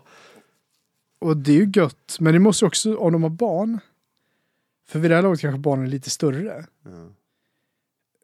Han går ju upp fyra för ingen stör honom då förmodligen. ja. Och när resten, av- en stor del av dagen återstår liksom. Sen på eftermiddagen på kvällen har han gått och lagt sig. ja. Så han lever ju sitt eget liv. ja. Och han äter ju mycket kosttillskott såklart. Och efter det här så tar han en dusch. Och som en del av rutinen så avslutar han med att duscha kallt. Alltid. Alltid kallt. Alltid kallt. Han säger att jag har en del som är beröring av mig själv. Både kropp och kön.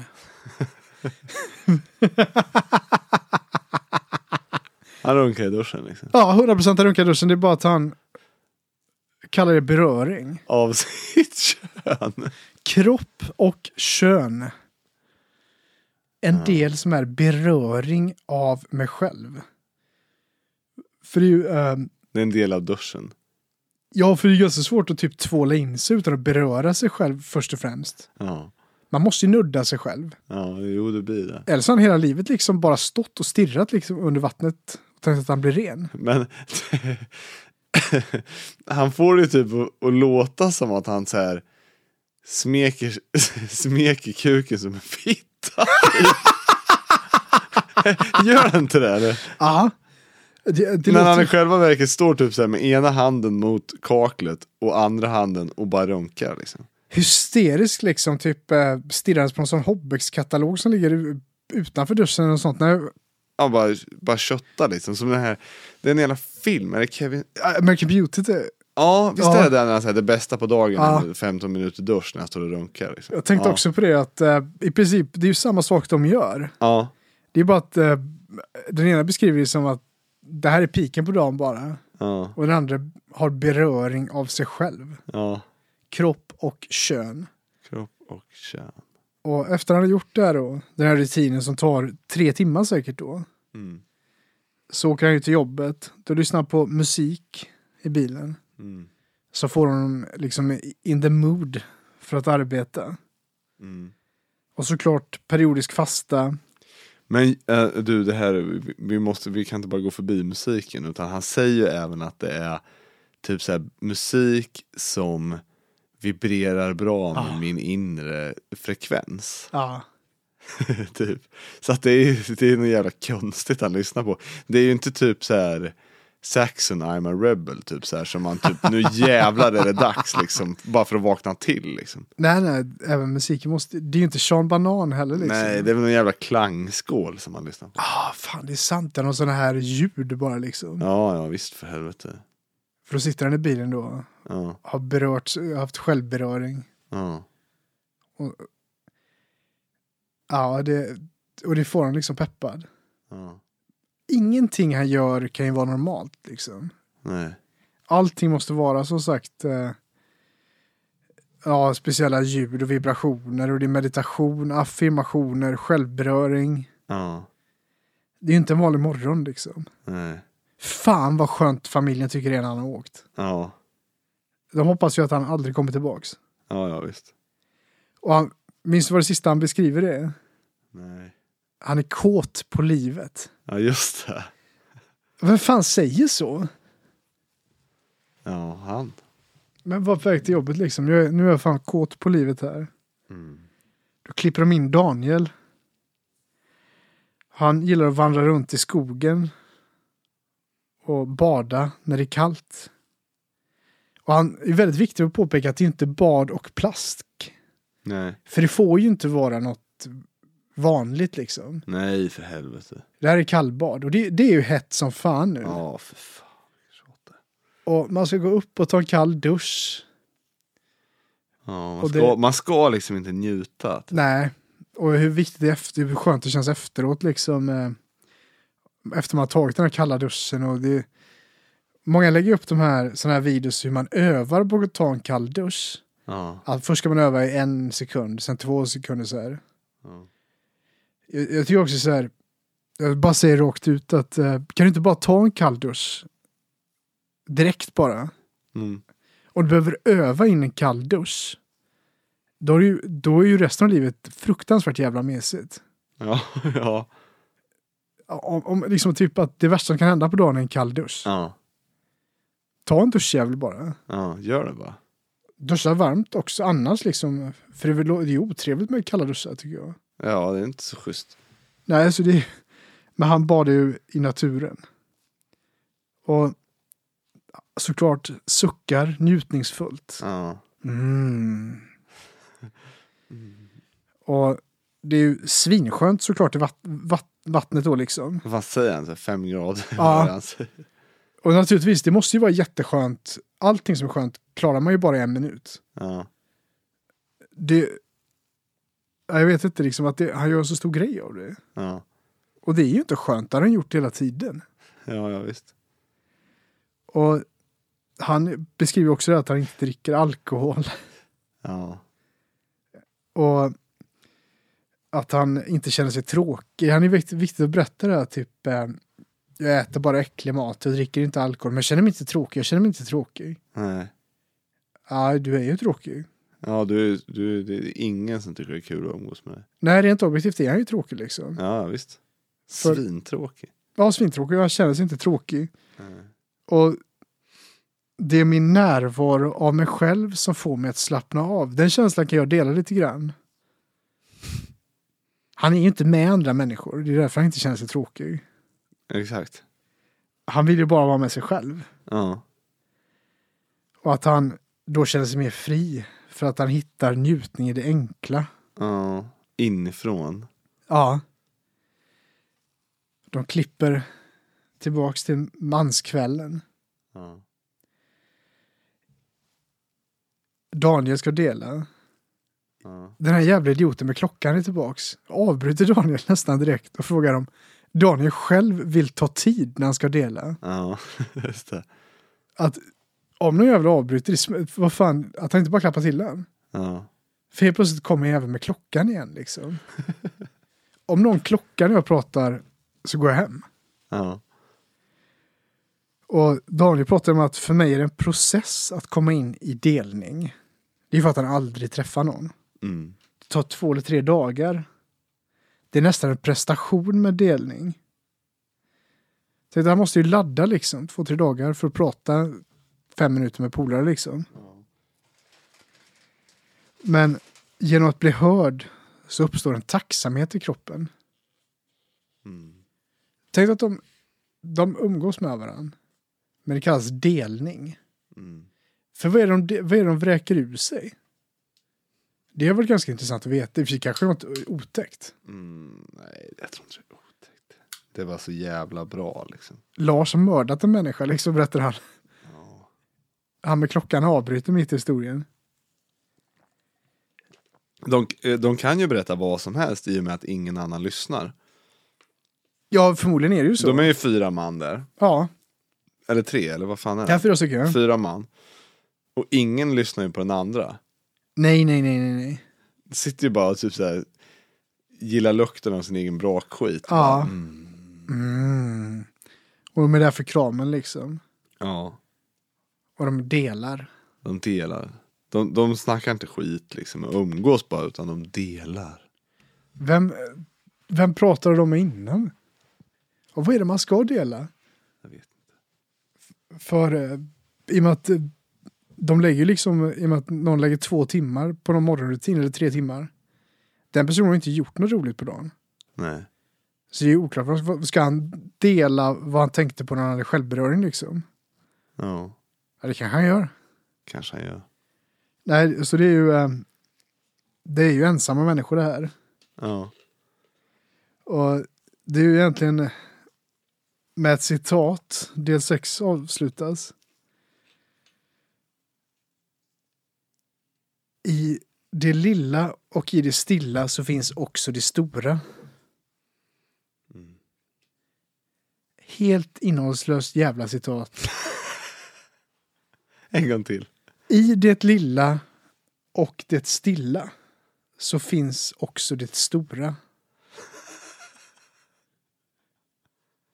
Där, där undrar jag om han hade skrivit ner någonting för att låta smart och komma av sig. För att han började rimma först liksom. Först något så här barnsligt rimligt, lilla och stilla. Finns det stora? Ja. Alltså det...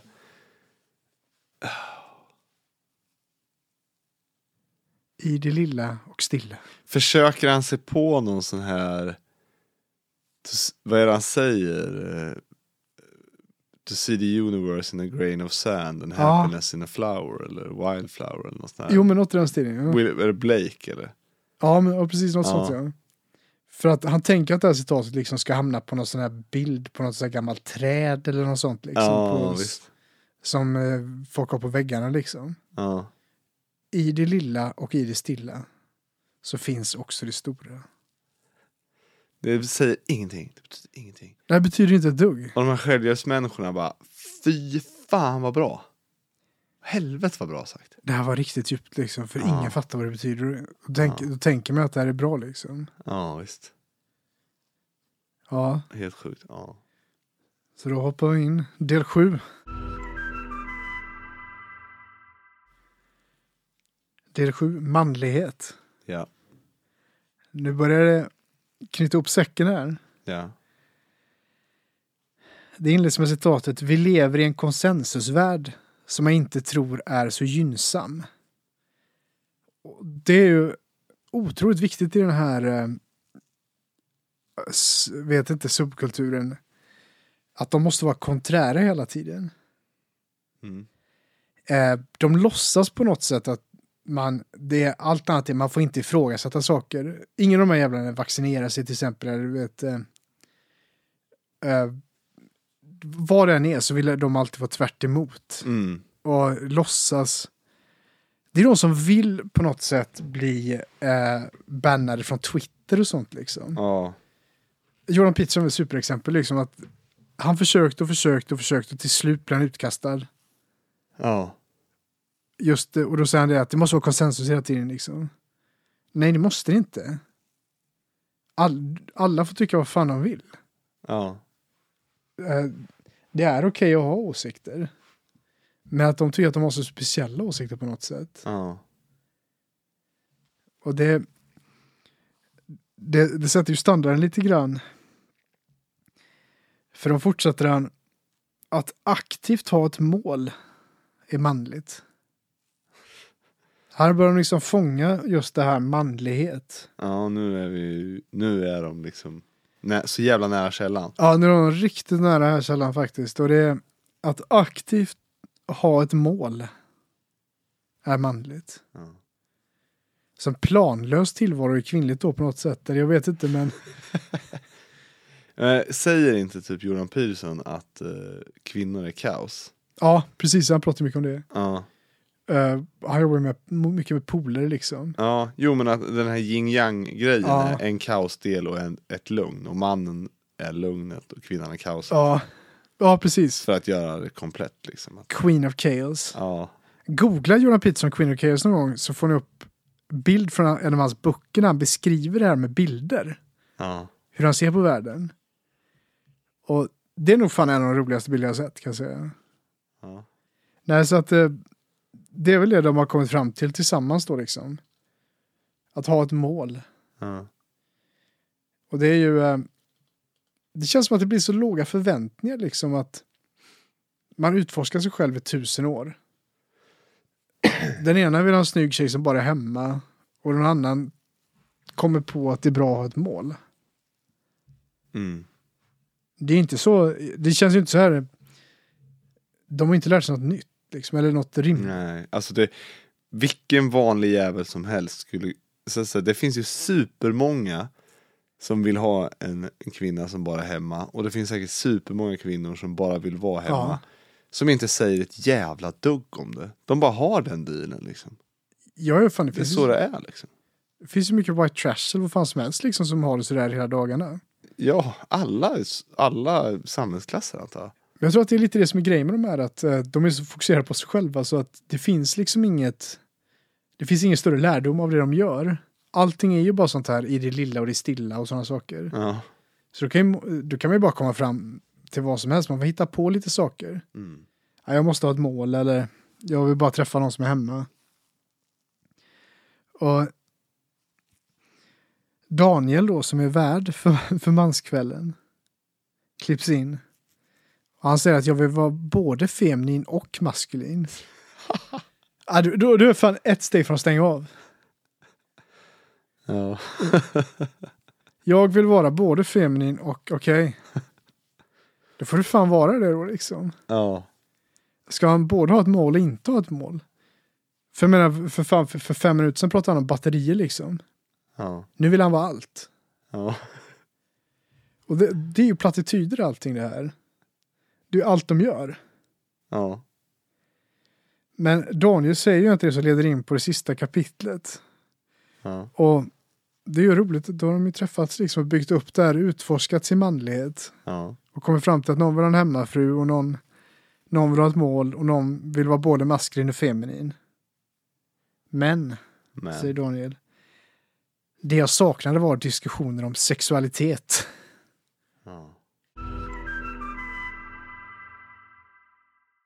Och då kommer vi in på den sista delen. Och då är en av de här galningarna utbrister ju direkt att han vill stänga av sin sexualitet kring kvinnor för att han vill vara en schysst kille. Det känns som att han har en demoner på insidan. Mm.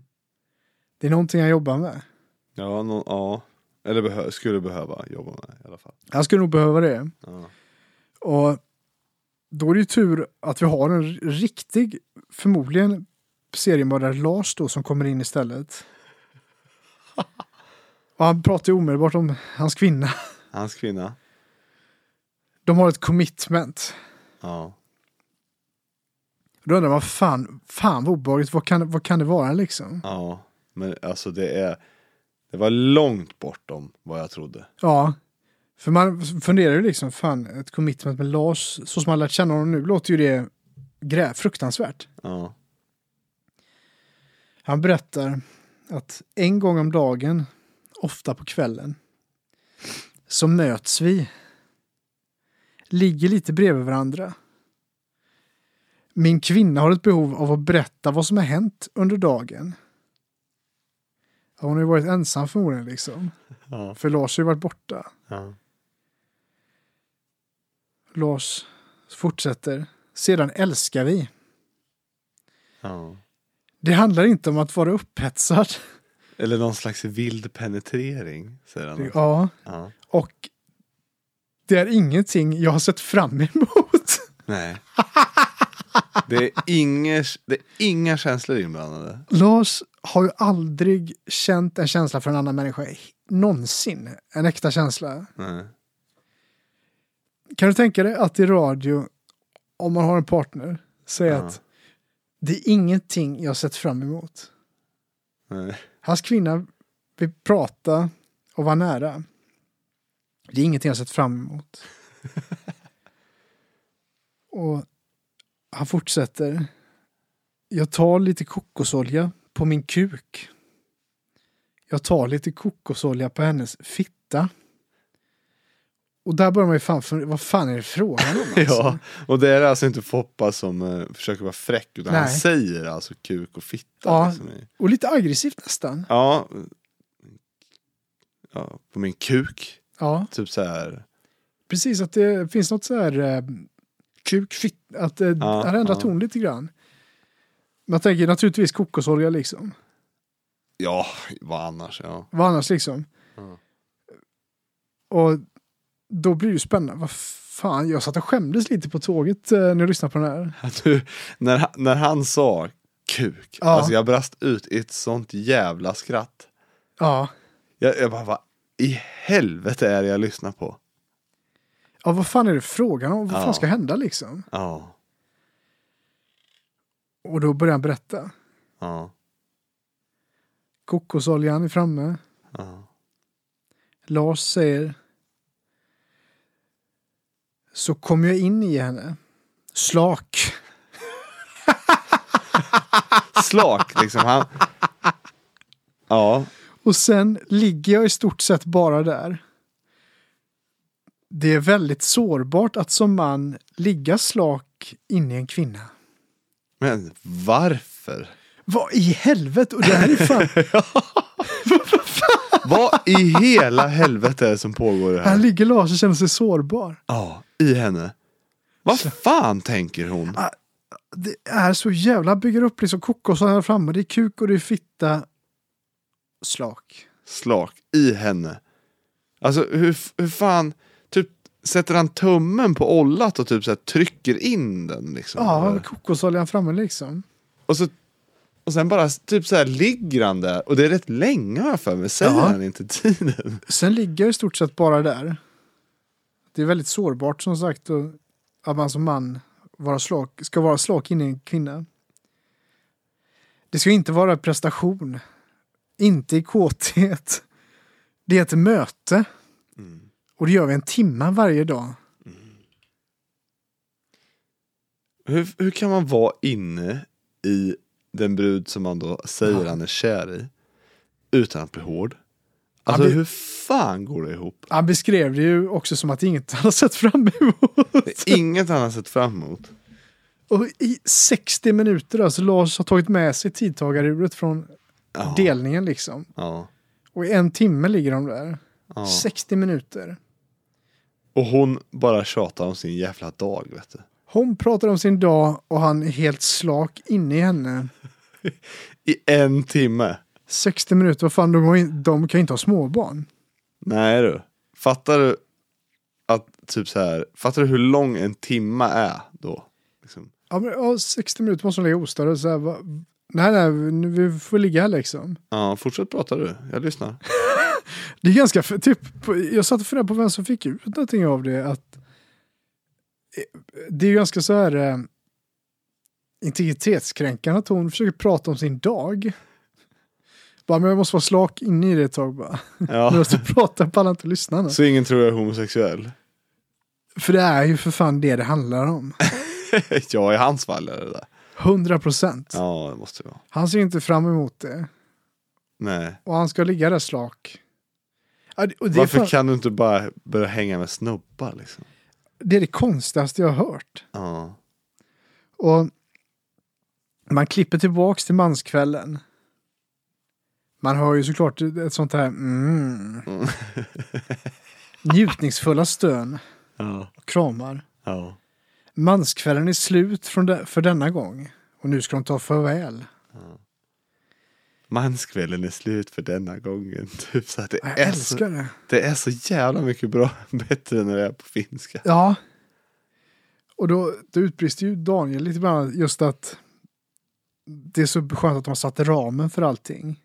Att nu är det okej att vara sårbar. Då är det okej. Ja. Och hur häftigt det är liksom att ha pratat. Och när alla ska gå hem, man vet ju när någonting är slut liksom. Mm. De börjar packa ihop. Och det är lite det här, vad är det som ska ske? Typ Ofta kanske på en dejt kan man ju tänka så här. Om du tänker att det är, om du tänker bort att det är män som delar utan att det här är två som är på en dejt. Mm. Det börjar bli dags att nästa sak måste hända. Ja. Eh, Någon börjar skruva på sig, kanske ska gå hem eller så här eller. För då brister någon ur sig. Vart tar vi vägen härifrån? Ingen människa som är på väg att gå hem. Alltså att om jag har varit hos dig och det börjar bli dags att packa ihop. Mm. Vi säger hej då. Mm. Jag frågar inte hallen. Vart tar vi vägen härifrån? Nej. ingen människa, det, det, det här är ju någonting man säger när man träffas. Liksom att man, man har träffats på Tinder eller vad som helst. Ja. Och man, ska kvällen ta slut eller? Och då visar det sig att värden Daniel, det här är ju jävla konstigt, Ja. av en slump köpt bröd och soppa. Kanske är det någon som vill stanna, frågar han. Ja. Han har ju planerat det här. Ja. Varför, liksom, är det Jeffrey Dahmer de har varit hemma hos hela tiden? Liksom? Bröd, är soppan vegansk också? Jag har köpt bröd och soppa av en slump till en till. Ja. Någon som vill stanna. Kokosoljan står på bordet. Ja. Att nu jävlar ska de dela en timme liksom. Ja, Och där är ju så konstigt. Ja verkligen. Där är ju någon som har förväntat sig något mer. Ja, ja visst. Och då väljer de istället att ta farväl. Och det stönas och kramas. Och en av de här dårarna utbrister ju till någon annan av de här galningarna. Att ska vi kramas också? Det låter som att någon liksom så här. De har inte vågat riktigt. Nej. Och jag vet inte om du tänkte på det, men det är så jävla creepy.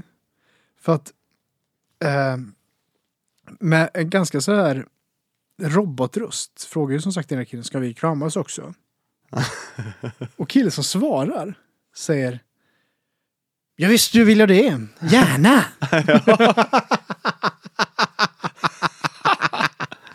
Att han måste lägga till gärna. Gärna. För det räcker inte med ja, eller så här. Ja, eller bara så här, ja lätt. Nice. Ja, Eller att de bara kramas, utan jag visst vill jag Ja. det. Gärna. Gärna. Att det, liksom, det ligger liksom ett os av kokosolja fortfarande här. Han är så jävla inoljad. Ja, det, är fan, det här är ju en trevare liksom. Att, det blir verkligen att dejten då, då jag för, försökte vart tar vi vägen och så har det ändå blivit så här, fan nu ska jag dra hem liksom. Ja. Vi kramas och gör en stor sak av det så kanske någonting händer liksom. ja. Gärna. Gärna. Och de klipper sen till ett citat som fejdar ut hela dokumentären. Jag är ett lejon. Det finns så många faror på savannen, även för ett lejon. Fast jag går tryggt där. Jag har ett mål. När jag vandrar där så följer alla efter mig. Det är tryggt att följa med lejonhannen. Klick. Där tar det sig ut att det är så fint slut liksom. Att jag är ett lejon. Han, nu, han har blivit lejon nu. Ja. Förut var det ett lejon som chilla. Ja. Nu är det ett lejon som istället tycker savannen är farlig. ja. Han ska Och- ta över liksom. Ja. Men att det är tryggt att följa efter lejonhannen. Mm. Han har upptäckt hur farligt livet är. Och då vill alla följa efter honom. Alla. Ja, för att han har ju förmodligen levt ganska skyddat så. Ja, och det, det är en sån sak som de här gurumänniskorna är bra på är att Ja. bygga upp en fiende. Mm. En farlig fiende liksom. Att så här, kvinnorna är den farliga fienden. Ja. Männen är eller så här, eh, invandrarna är. Ja. Alltså det är alltid så liksom. Ja, ja, fan. Eh, My, mycket av det här manscommunity handlar ju om det liksom. Och ja, träna kampsport som man ska eh, så här, försvara sig. Så. ja. Mot någon så här, eh, en fiende som inte finns. För så Ja. gemene man slåss inte liksom. Nej, det är ganska sällan typ man eh, hamnar i slagsmål så. Ja, Och eh, förmodligen så är det, man kan ju gå runt och prata om att man är en lejonhanne hela dagarna liksom. man kan ju alltid un- undvika slagsmål liksom. Ja. Såvida inte det är en så helt oprovocerad galning typ. Nej, nej, vad fan blir skruvmejslad av någon pundare på väster eller vad som helst. Ja men någon sån här jätte, alltså någon psykiskt sjuk liksom Ja. som har någon jävla galet på gång. Liksom. Jo, men jag menar det, typ, eh, man blir k- knivar helt plötsligt. Men då är det ju liksom att vad fan, vad, vad ska vara sista tanke vara då liksom, fan vad gött att du delar in allt i kategorier ändå Ja. liksom. Det farligaste är ju typ isfläckarna och bilarna liksom. Ja, ramla ut och he- åt helvete är det. Ja. Men det är inte direkt att man så här, varje dag tränar på att ramla. Nej. Det hade ju varit rimligare än, Ja, än att man så här, låtsas, alltså, tränar på att slåss för att man tror att man ska bli attackerad. man har haft kuddkrig liksom på Sexability-festivalen nu. Ja, nu vandrar han på savannen ja. som ett lejon. som ett lejon, som en lejonhane. Och alla vill följa efter lejonhanen. Det är så jävla kraftig symbolik i lejonhanen. Ja, jag älskar fan. Eh, Det är så jävla många, speciellt eh, kristna, mm, som använder sig av lejonhanen. ja. Men ja, du, har- du har väl sådana... Eh, jag antar att det är väl religiös symbol på ett sätt. Ja, men det måste det väl vara.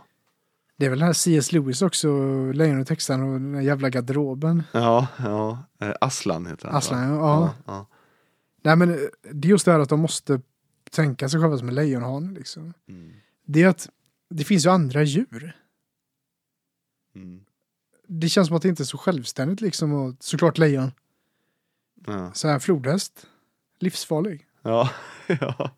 Det kan ju vara typ eh, en fågel som bara flyger iväg från savannen så kan de skita i det. Ja. Men de måste liksom... eh, En Fan, elefant liksom. ja. Och jag vet inte vad fan... eh, Är det massa som följer efter ett lejon liksom? Ja. Nej men och... Just att de syr ihop säcken med att savannen är farlig. Mm. Skrämmer upp lite. Det finns en fara där ute. Den enda faran de har stött på. Det är ju kokosoljan och att någon äter den här soppan och somnar. Mm. Det är deras största fara de stöter på. Mm. Nej, som sagt, alla borde lyssna på den här. Ja, alla, alla, alla, alla måste höra det här.